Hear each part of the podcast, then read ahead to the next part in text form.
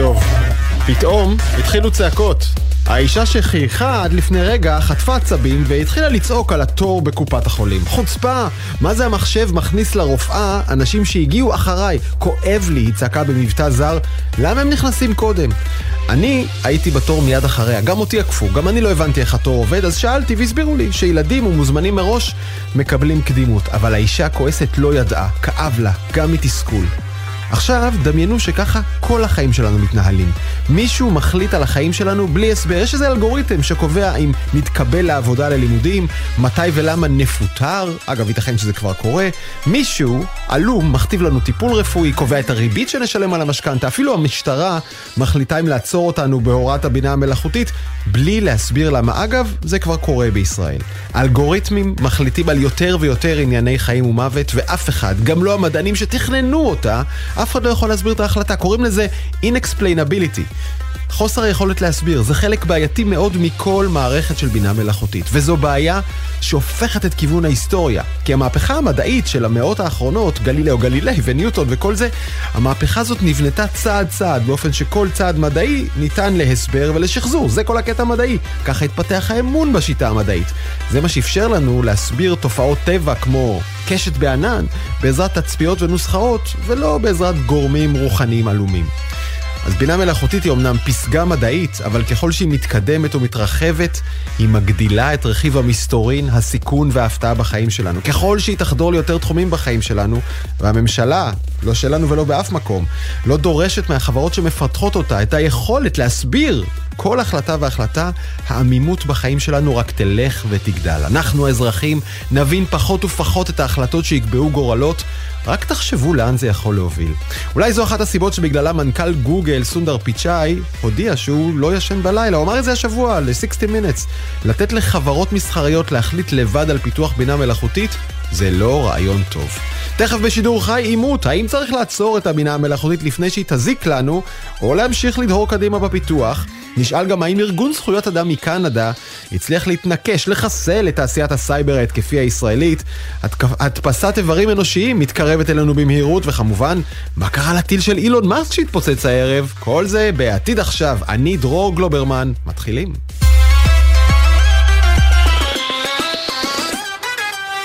עתיד עכשיו פיצוץ גדול היום אה, אחר הצהריים בניסוי, בטיסת הניסוי של חללית Starship של חברת SpaceX, ואיתנו עם הפרטים עומר עזרן, כתבת גלי צה"ל, ערב טוב עומר.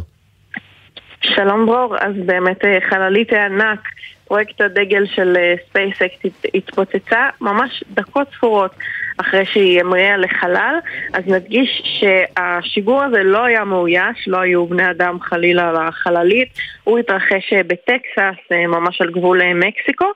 זה בעצם שילוב של חללית ומשגר, הם הגדולים והחזקים ביותר שפותחו אי פעם, הם גם הראשונים שכל המרכיבים שלהם ניתנים לשימוש חוזר באופן מלא, כמובן בהנחה שהטיל לא מתפוצץ באוויר, זה היה רק הניסוי הראשון, ובעצם העובדה שהם ניתנים אה, לשימוש חוזר מוזיל מאוד את השימוש בהם, את העלויות, בניגוד למשגרים וטילים אחרים, שלרוב אחרי השיגור או אה, נעלמים אה, בחלל או חוזרים לכדור הארץ ומתרסקים איפשהו בים. Mm-hmm. אז הישג נוסף זה שהם ממש מסוגלים לשוב לאתר השיגור, זה משהו שספייסקס עושה המון פעמים, שהטילים שלה ממש רואים אותם נוחתים על איזשהו איקס קטן מאוד uh, בתוך uh, האוקיינוס, uh, אז בעצם כשהטיל כן יעבוד בניסויים, אז הוא יהיה מסוגל לנחות בצורה אנכית.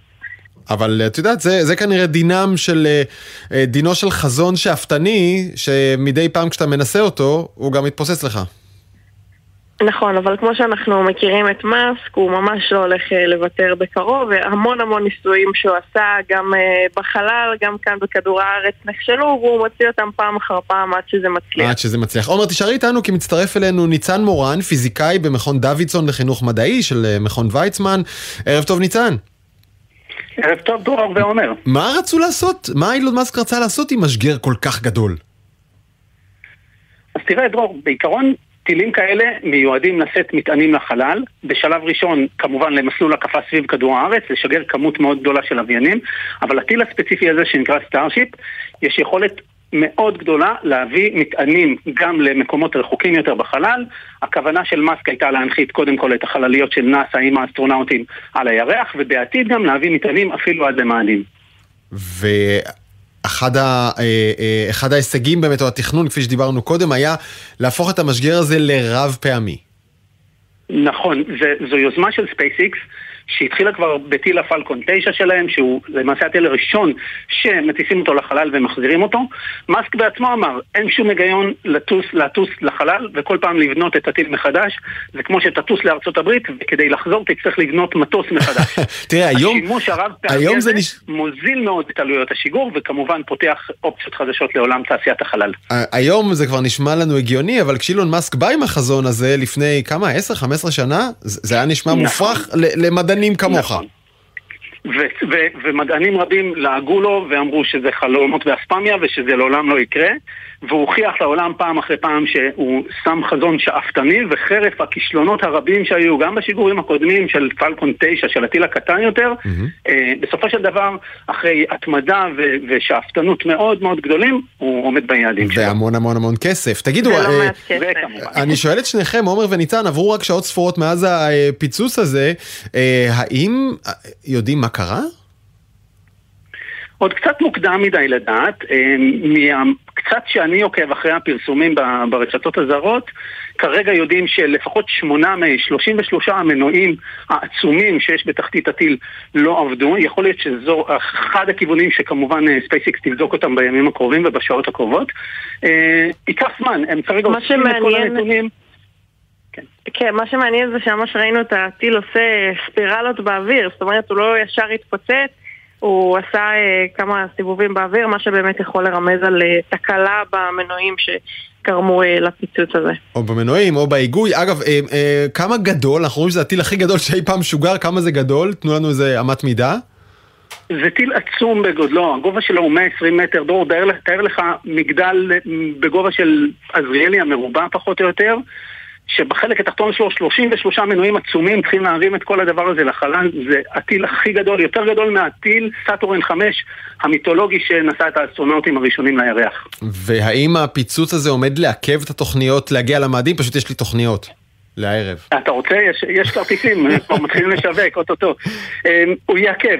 ככל הנראה לוחות הזמנים יתעכבו לא רק הטיסות למאדים, גם הטיסות של נאס"א שמתכננות על ה Starship הזה כדי לשאת את האסטרונאוטים במשימת ארתמיס לירח. Mm. ככל הנראה יתעכבו, אבל כמו שאמרנו בעבר, אילון מאסק אדם מאוד שאפתן, הוא לא נותן לכישלונות כאלה להפיל אותו או לעצור בעדו, החזון שלו יושלם. חשוב לזכור, עולם החלל הוא עולם עולם מורכב וקשה, לא פעם ראינו אסונות כאלה שקורים, גם במעברות חלל היו אסונות בעבר, זאת אומרת, האתגר הזה של לשלוח דברים לחלל הוא לא תמיד פשוט וקל כמו שהוא נראה. כן, אפשר, אפשר להמר שזה כבר מתומחר בתוכניות העסקיות שלו, יש לו קצת ניסיון בזה. אה, ניצן מורן מכון דוידסון, עומר עזרן שלנו, תודה רבה לשניכם, ערב טוב. תודה רבה. העתיד עכשיו, האם ארגון זכויות אדם מקנדה הצליח לחסל את תעשיית הסייבר ההתקפי הישראלית? היום הודיעה חברת קוואדרים הישראלית שתיסגר ותפטר את כל עובדיה. מצד שני, נראה שלמרות הסנקציות הבינלאומיות, חברות ישראליות בתחום הצליחו להמשיך לחדור לתוך טלפונים סלולריים, אה, להחדיר לתוכן רוגלות מסביב לעולם. איתנו תת-אלוף בדימוס חנן גפן, לשעבר מפקד 8200, ערב טוב.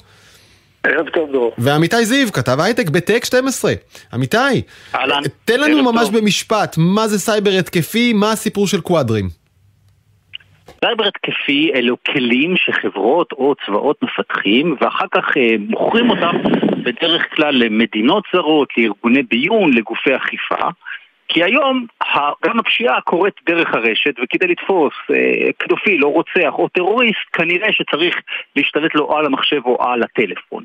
יש בישראל אנשים חכמים שעשו את זה בצבא, ואחרי הצבא הם הקימו חברות סייבר התקפי, שזה מה שהן עושות, אבל צריך לסייג ולומר, אלה לא חברות רגילות, הן נתפסות בישראל שוות ערך לחברות נשק. ולא שאני ואתה יכולים לייצר עוזי ולמכור אותו איפה שאנחנו רוצים, אותו דבר לגבי סייבר התקפי, כדי למכור סייבר התקפי צריך לקבל אישור משרד הביטחון, שהוא לא רק אישור כללי, הוא אישור פרטני פר לקוח. זאת אומרת, המשטרה הספציפית במדינה הספציפית במקסיקו מאושרת או לא מאושרת לכלי כזה וכזה. Mm-hmm. זה ו... בגדול סייבר התקפי. והמוצר, עכשיו, יצא לי פעם לראות אותו בפעולה, זה ממש תוכנה שמסתננת לתוך האייפון או האנדרואיד שלך, ומישהו מצד השני יכול פשוט לחטט לך בטלפון כאילו זה שלו, לקרוא וואטסאפים, לקרוא מיילים, להקשיב לשיחות, לפתוח מצלמה, לראות איפה אתה נמצא, להקשיב לך, להסתכל ביומה, הכל הכל פתוח לו לגמרי. וכולנו מכירים את NSO, נכון? מי קוואדרים? קוואדרים היא חברה יותר קטנה ויותר צעירה, להבנתי הוקמה על ידי יוצא NSO, וכל חברה כזאת היא מחפשת את, בעצם את החולשה או את החולשות שלה במערכות הטכנולוגיות, במקרה הזה בעיקר אייפון, ואחר כך היא, זו עבודה תמידית, כן? זו עבודה שנמשכת של חתול ועכבר, של למצוא חולשות במערכות טכנולוגיות, ואז להשמיש את זה, ואז למכור את זה למדינות אחרות. Mm-hmm. קוואדרים חברה יותר קטנה, בסדרי גודל של 40 אנשים בערך, הייתה לה תקופת עדנה, אבל עכשיו היא נאלצת לסגור. כן, ו- ומה בעיניך הסיבה לסגירה? אוקיי, אז, אז מש... הסייבר ההתקפי בישראל נמצא במשבר, שיש לו שתי סיבות מרכזיות. סיבה אחת היא החמרת הרגולציה. לפני בערך אה, שנה וחצי, שנתיים, במשרד הביטחון נמאס להם לשמוע שכלים ישראלים אה, פגעו באנשי זכויות אדם במקסיקו, הגיעו לטלפונים של פעילי אופוזיציה במרוקו וכן הלאה. היו שורה ארוכה מאוד של פרסומים שהבנו שהכלים האלה הם משמשים לרעה ממשלות שאינן דמוקרטיות או אינן דמוקרטיות מובהקות, לא כדי לתפוס טרוריסטים ופושעים, אלא כדי להתמודד עם מתנגדי, מתנגדי משטר, עם עיתונאים, וזה היה מאוד מאוד סיסטמטי. ולפני, כחלק מאיזשהו מהלך דיפלומטי וגם מלחץ אמריקאי, לפני כשנה וחצי, שנתיים, קטנה מאוד רשימת המדינות שלהן בכלל מותר למכור, ומבערך 100 ומדינות, האישורים ניתנים עכשיו לבערך 35 מדינות, שהן מדינות, איך נאמר, דמוקרטיות מהבהבות. אני ואתה נסכים שהן דמוקרטיות, וכך הסיכוי שיעשה שימוש לרעה בכלים האלה mm-hmm. הוא הרבה יותר נמוך. הסיכוי שבהולנד אה, ירדפו עיתונאי באמצעות הכלי הזה, הוא נמוך מאשר אה, במרוקו. כן. כמובן שזה, ומאחורי... מבחינה ערכית, אני מקבל אותו, אבל זה סוגר לחברות האלה את השוק בצורה משמעותית. וצריך להגיד, מאחורי, השנייה, מאחורי הגילויים האלו עומד אה, ארגון בשם Citizen Lab מקנדה, ששם לעצמו למטרה לחשוף את הפעילות של החברות האלה, והוא עושה את זה בהתמדה כבר כמה שנים. נכון, ארגון שסמוך, ארגון אה, חברה אזרחית שסמוך ליד לאוניברסיטת טורונטו ועובד ביחד עם אה, חברות טק. כן, אני רוצה לקנות לחנן, אבל סיבה שנייה תגיד במשפט. הסיבה השנייה היא שענקיות הטק, גם להם אה, אה, נשבר מזה.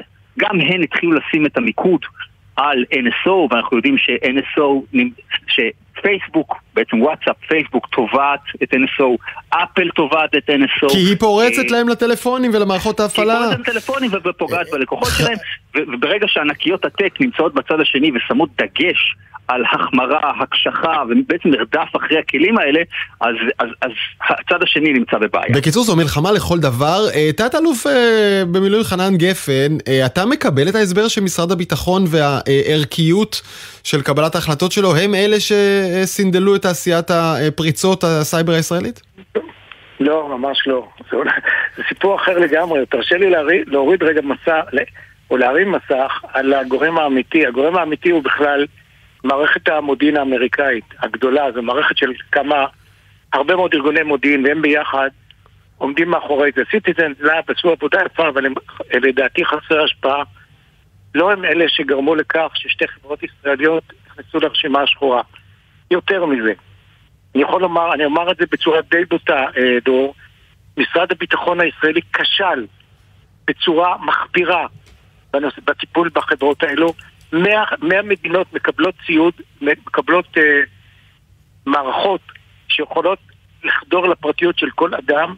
אני, אני לא זוכר אי פעם איזו מדינה שהרשתה כזה דבר. עכשיו, זו הייתה בקחנליה שלמה.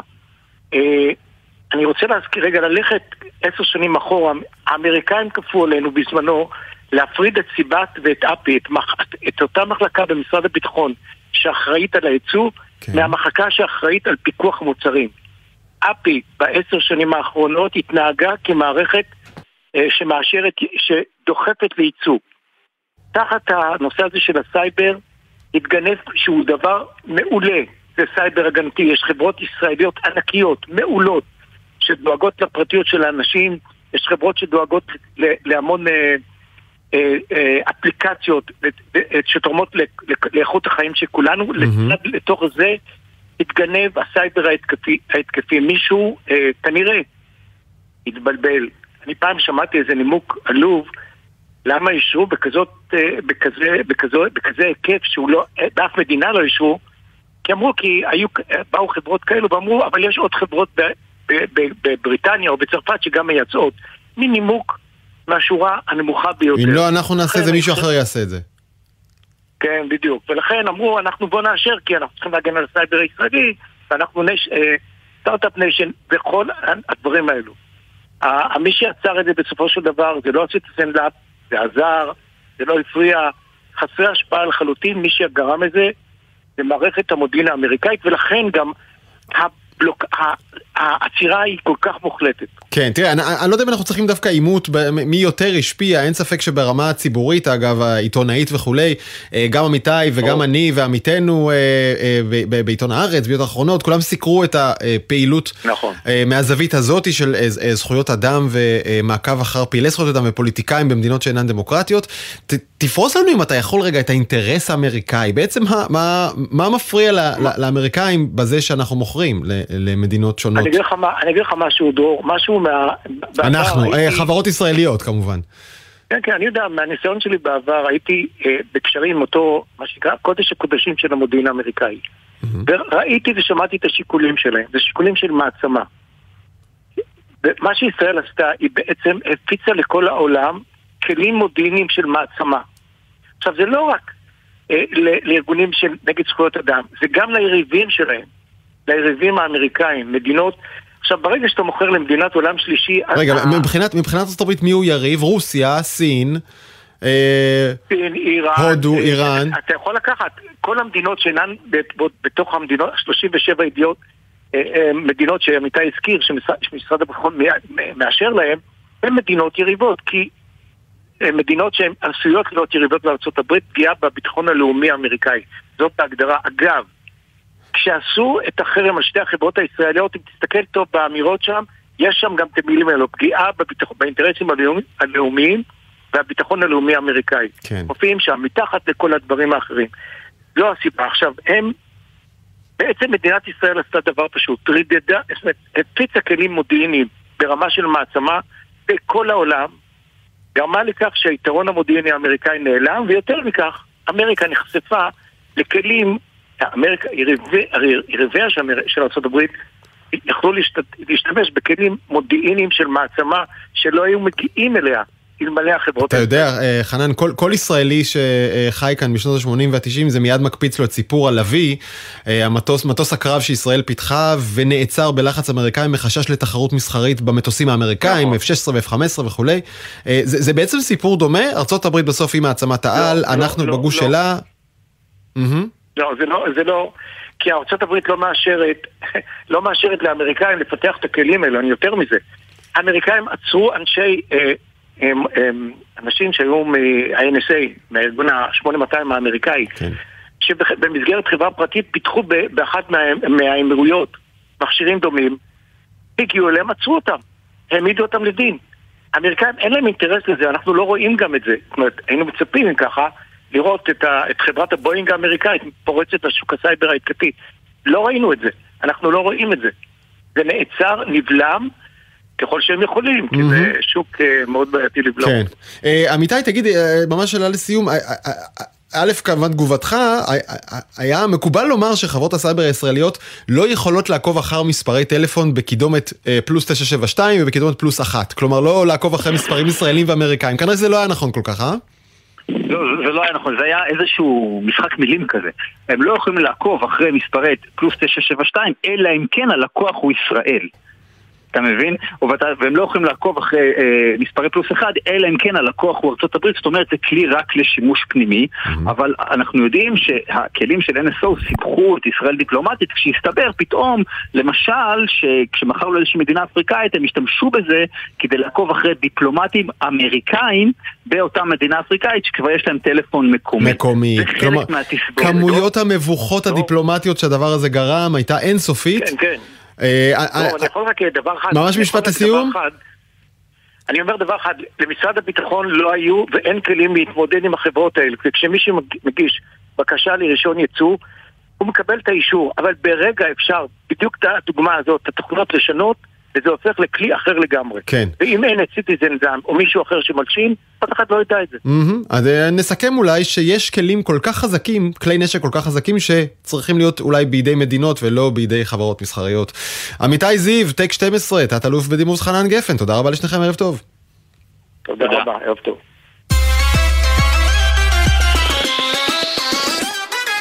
העתיד עכשיו, עכשיו אנחנו לגילוי תרופות חדשות לסרטן, כמובן, בעזרת בינה מלאכותית. ערב טוב, ערן זגר, מנכ"ל ומייסד שותף של חברת פרוטאי ביו.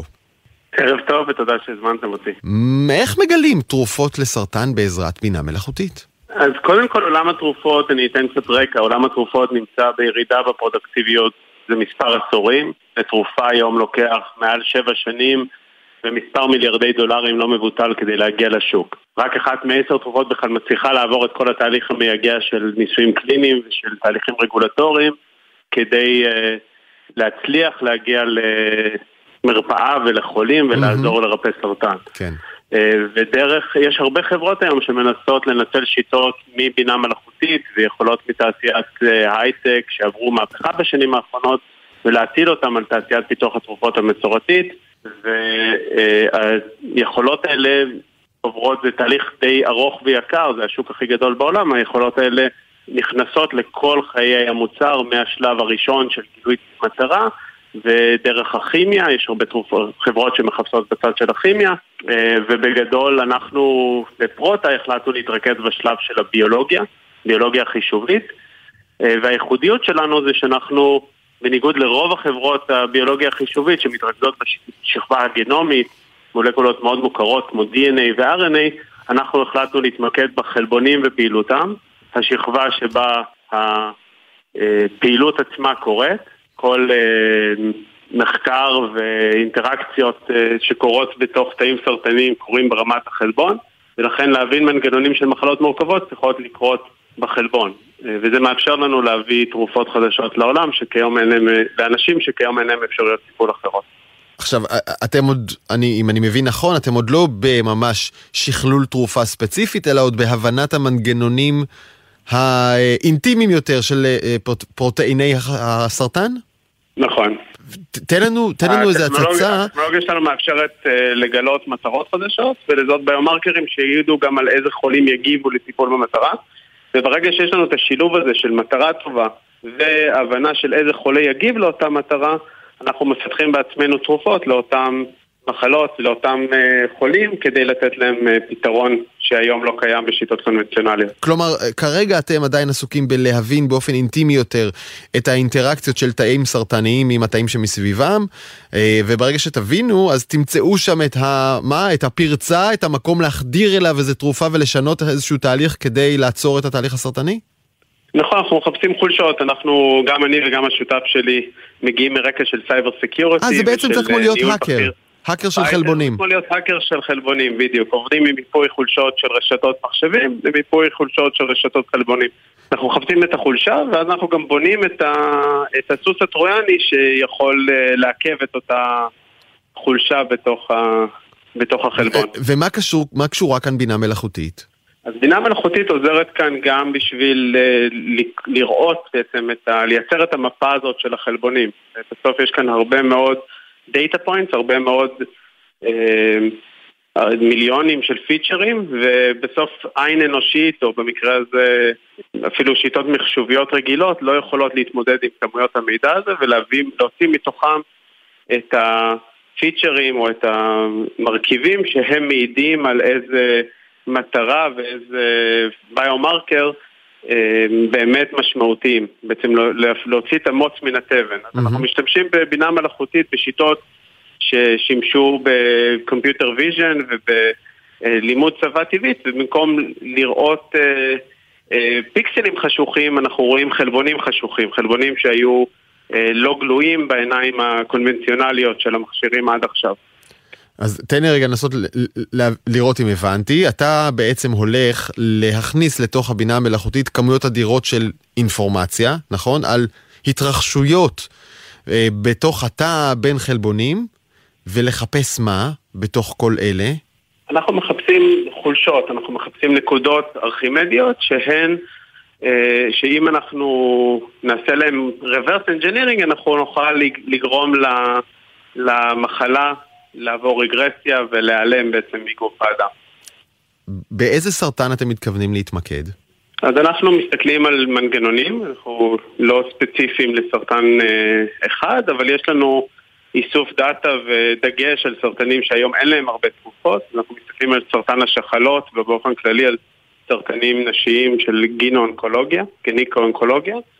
ולצד זה אנחנו גם מסתכלים על סרטן ריאות, שהיום הוא קוטל מספר אחד של, אה, של הסרטנים. כן, והתהליך הזה, אני מניח שאתם עדיין, מה, שנים מפיתוח תרופה, לא? זה, זה לא משהו שיקרה השנה או בשנה הבאה.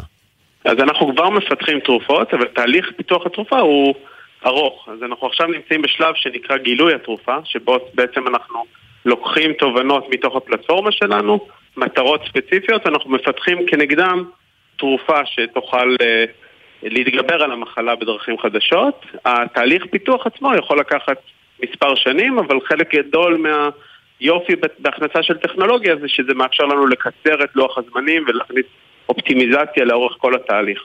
זה מאפשר לנו במקום לעשות את זה בשבע שנים, לעשות את זה בשנתיים או שלוש, וואו. ולעשות את זה בצורה גם זולה יותר. שזה, שני הדברים שאמרת, גם טווח הזמן וגם עלות התרופה, הם, הם בסוף מתרגמים ממש לחיי אדם. ערן זגר, מנכ"ל ומייסד שותף של פרוטאי ביו, אה, נאחל לכם בהצלחה, בינה מלאכותית נגד סרטן. תודה רבה. ערב טוב. העתיד עכשיו, אנחנו עם פאנל מיוחד על סכנות הבינה המלאכותית. הטכנולוגיה הזו יש לה פוטנציאל אינסופי, אבל גם הסכנות אינסופיות. האם צריך לעצור ולהגביל, או לדהור קדימה בפיתוח? השאלה שמטרידה עכשיו, בגדול, את כל העולם. איתנו דוקטור קירה רדינסקי, מנכ"לית Diagnostic Robotics, ופרופסור מבקרת בטכניון. ערב טוב, קירה. שלום. ושי מישל, שותף מנהל בקרן, בקרן האסטרטגית Merlin Ventures. שלום שי. אהלן, שלום. אני רוצה להתחיל איתכם עם אה, שתי עמדות פתיחה קצרות. האם אתם מבינים את הקריאות בעולם לעצירת הפיתוח של בינה מלאכותית חתומים עליהן, בין היתר אילון מאסק, פרופסור יובל נוח הררי ואחרים, לעצור לשישה חודשים או לאיזשהו זמן עד שנברר את הסכנות ונתכונן אליהן? קירה. אמ, אני חושבת שהבקשות האלה הן טיפה תמימות. אמ, אני רוצה להתחיל ברקע. חשוב להכיר בזה שיש כוחות שונים שפועלים בעולם. חברות הענן בעצם מפתחות הטכנולוגיות האלה כדי לייצר לעצמן שימוש בענן. יש קבוצות open source ומטרתן לעשות דמוקרטיזציה בכלל של הטכנולוגיה, והכוח השלישי, ממנו כולם מפחדים, זה מדינות שמטרתן לייצר עלינו טכנולוגית. אבל ראינו בעבר ניסיונות לעצור טכנולוגיה, או בכלל לקדם אה, רגולציה. אתן דוגמא את קופ 23 בתחום שינוי האקלים, וראינו כמה קשה לגרום לכל העולם להסכים. Mm-hmm. גם פה יקרה דבר מאוד דומה, כן. אם המערב יסכים. רגע, אבל זה, זה, קירה, זה רק עמדת פתיחה, תכף נרחיב. העמדה, העמדה שלך אומרת, הקריאה תמימה, לא יקרה. שחררו. מדויק. אה, מדויק. שי מישל, מה אתה מרגיש כלפי הקריאות האלה לעצור ולחקור את ההשפעות האפשריות, הנזקים האפשריים, לפני שנתפרע קדימה עם הפיתוח? אמ, אני יכול להסכים עם אה, קירה, אני חושב שזה היה צריך להיות לפני, ועכשיו אנחנו כבר בתוך תהליך. זה רץ מהר מדי בשביל לעצור את הרכבת. אני חושב שמה שארגונים יוכלו לעשות בשלב הזה זה, זה לבנות להם איזושהי תוכנית רגולטורית שתשמור להם על הארגונים, אבל uh, מבחינה כללית, הרכבת יצאה מהתחנה. אז בואו, אה, לפני שניגש לסכנות, בואו בבקשה נתאר ביחד במהירות עבור המאזינות והמאזינים את הפוטנציאל החיובי המדהים על החיים שלנו של בינה מלאכותית. איך עושים את זה בקצר אלגנטי וברור? קירה. אנחנו משתמשים היום בתחום הבינה המלאכותית, לדוגמה בדיאגנוסטיק רובוטיקס, בתחום הרפואה הפרואקטיבית. ראינו יותר מ-60 מיליארד ביקורים של פציינטים ורופאים, הכל אנונימי, ואנחנו יכולים לדוגמה לזהות פציינט שישה חודשים עד 12 חודשים לפני שהוא מידרדר, ואז בינה מלאכותית מודיעה לרופא כדי שהם יוכלו להציל את הפציינט בזמן. כלומר זה רפואה, רפואה מנבאת, אנחנו לא נטפל בך אחרי השבץ, אנחנו ננבא את השבץ הזה ואולי נמנע אותו. מדויק. גם היום פיתוח התרופות מאוד תופס התחום של בינה מלאכותית, שממש היום עוזר להגיע לרמה פרסונלית. כלומר, הרבה מאוד תרופות היום הן לא בשוק, כי זה לא שווה כלכלית לייצר אותן ברמה אישית, ובינה מלאכותית היא ממש מייצרת את המתכון פר בן אדם לתרופה, וכל זה ממש בסקייל מאוד גבוה שיכול לפתור את הבעיה לאנושות כולה. זה מדהים, אה, וצריך להגיד, אנחנו רואים עכשיו סביבנו את מהפכת הבינה המלאכותית המייצרת, Generative AI, שכותבת תוכנות וחוזים משפטיים, ומייצרת תמונות, ותכף גם וידאו ושירים ומאמרים וסיכומים ו... ו... ו... ו... ו... ו... אה, יכולה, נכון, לעזור להמון אנשים במקצוע שלהם, או להחליף אותם. אני, אני רואה ש-Generative AI, או ChatGPT כמו שהקהל קורא לזה היום, כאילו בשימוש שלו היום, קודם כל הוא נגיש לכולם. זה דבר מדהים, כל אחד יכול לעשות איזה מאמר שהוא רוצה, הכל הולך לרוץ איתו קדימה. הדיוק שלו הוא אה, סימן שאלה, כי מה שחשוב מאוד מי מאמן את המודלים האלה, ולפי זה הדי- הדיוק נוסף. אז יש באמת נגישות לכולם, קלות לשימוש, כאילו סופר קל להשתמש, יש אפליקציות מריצות, זה עושה אחלה דברים כן. ומאוד קריאטיביים. אוקיי, אני רוצה מה ישר... שהכי חשוב באמת כן? בשימוש הזה, זה המהירות והזריזות. זאת אומרת, המערכת יכולה לייצר מידע, קוד- מקור, בנתונים הרבה יותר מהר מהעבר. מהמם. כאילו, מחיפוש ידני שאנחנו נותנים בספריות. עכשיו, שאילתות באינדקסים, זה יכול לסנטז מיליוני דפי מידע לתוך פסקה אחת בכמה דקות ספורות. זה הולך לשנות את העולם במובן הזה. כן, עכשיו בואו נדבר רגע על אה, סכנות. אה, אני, אני זרקתי אחת קודם, אם הדבר הזה יודע להחליף או לעזור לעובדים, הוא גם עלול להחליף אותם, וכבר יש הערכות של גולדמן סאקס ש-300 מיליון משרות בעולם בסכנה, אולי בינה מלאכותית תחליף אותן. אני רק מנסה לדמיין איך, מה זה אומר על כלכלה ישראלית, אתם יודעים, פתאום אחוזי אבטלה של 15 אחוז, 25 אחוז, 45 אחוז, אין לדעת לאן זה יגיע. שינוי מוחלט בכלכלה, בתעסוקה ובעצם גם בפוליטיקה. אפשר, לראות את זה בצורה הזאת, אפשר לראות את זה, כן, אפשר לראות את זה בצורה שזה יהפוך אנשים להרבה יותר חזקים. בסוף מישהו צריך לתפעל את זה, מישהו צריך להריץ את זה. אנחנו עדיין מדברים בשימוש נרחב על ידי בני אדם.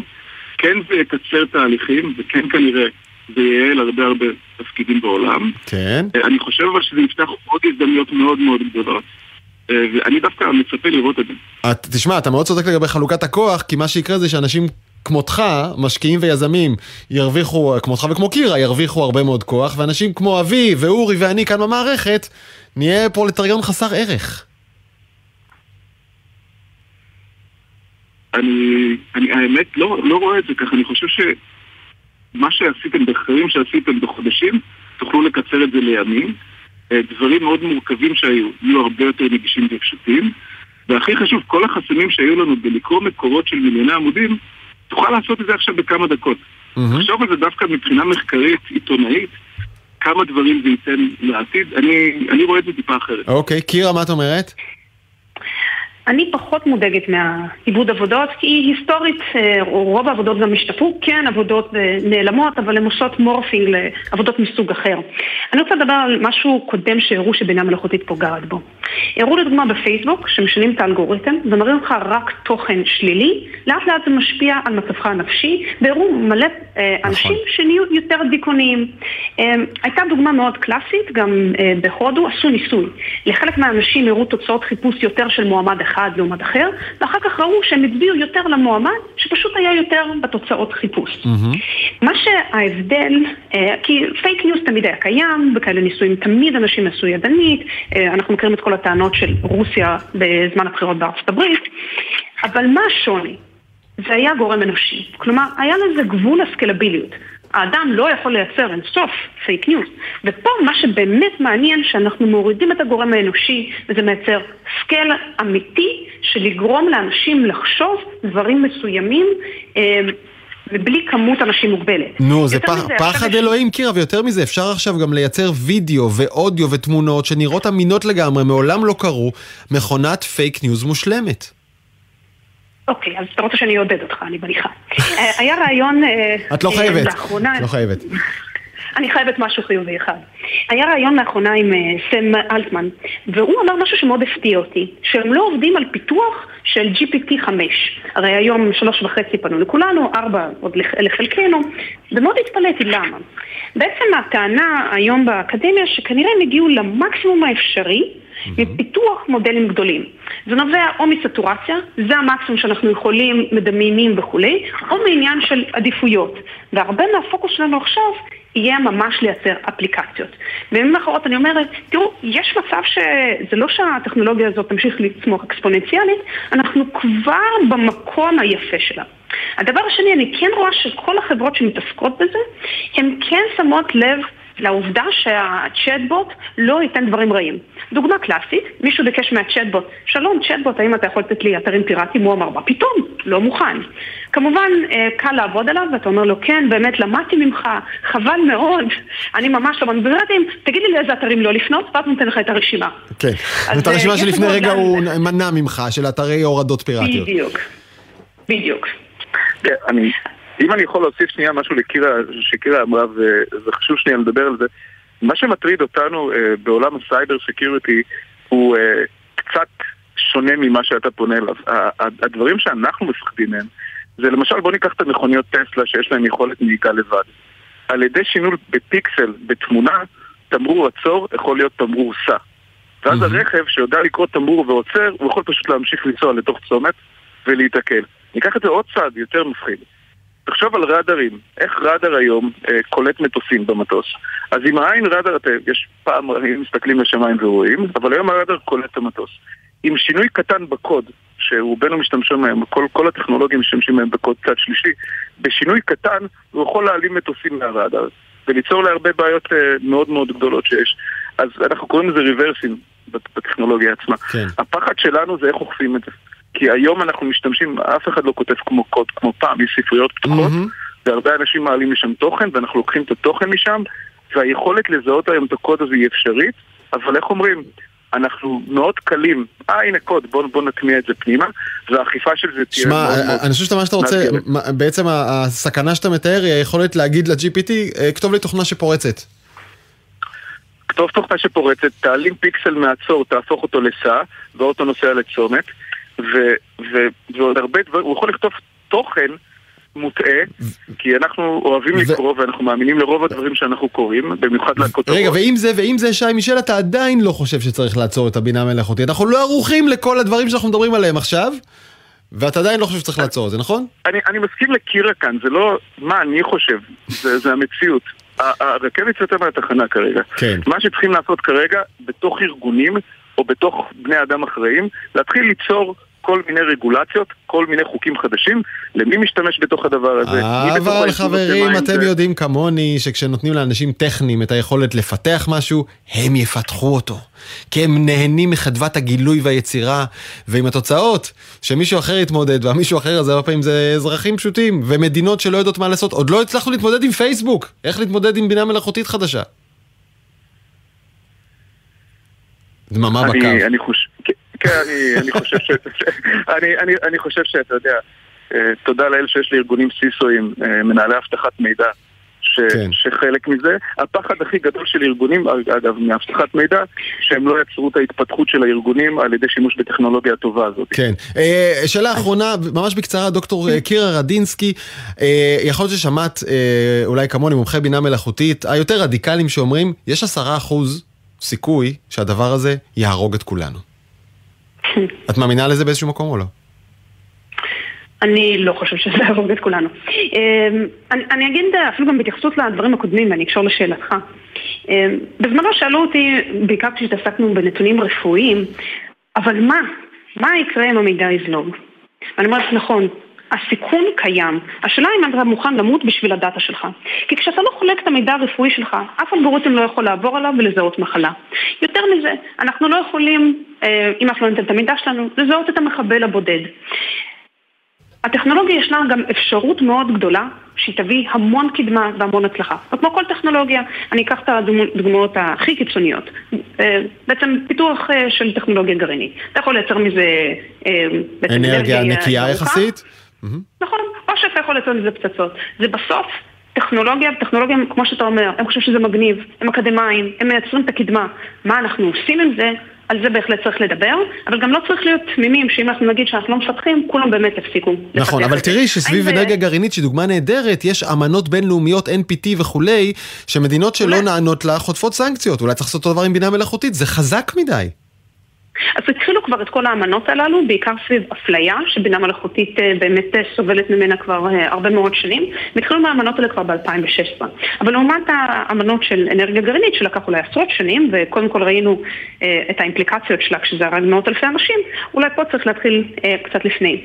אבל גם כדי להרגיע, עדיין הבינה מלאכותית היא לא מספיק מתקדמת, יש דוגמאות קלאסיות היום, שבינה מלאכותית אפילו בתמונה לא מבדילה בין בננה לקוף. כמובן התפתחויות התפתחויות אדירות קורות בחודשים האחרונים, ועדיין צריך לזכור, זה עוד לא חי.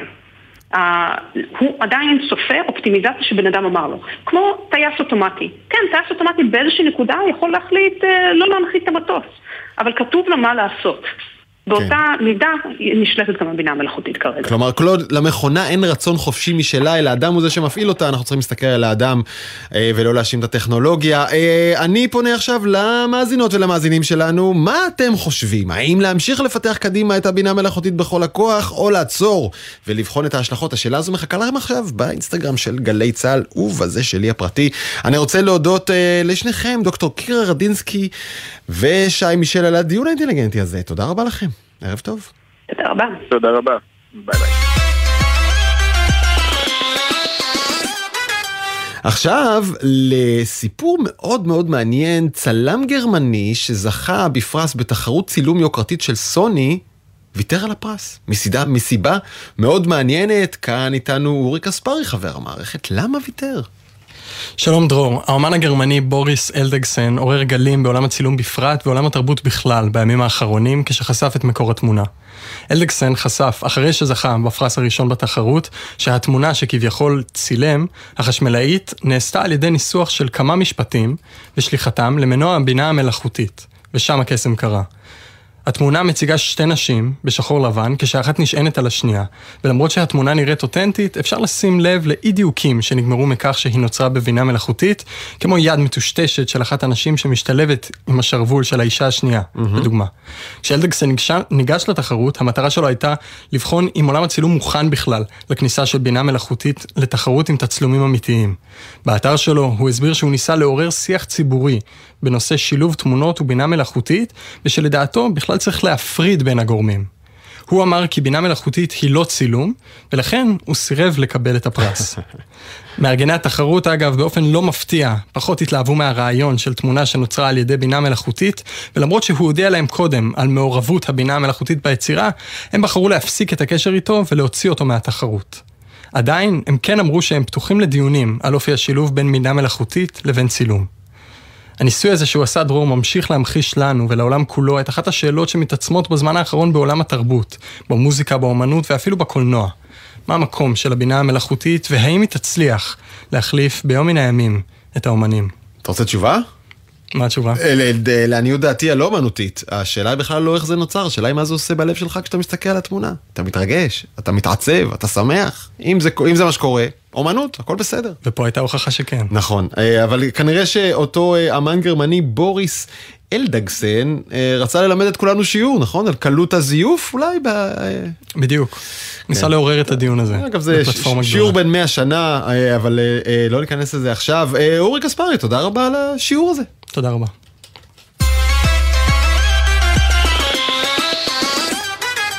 היום שבו ידפיסו עבורנו פיסת אור שאולי נצטרך להשתלה, או כליה, שד או אוזן.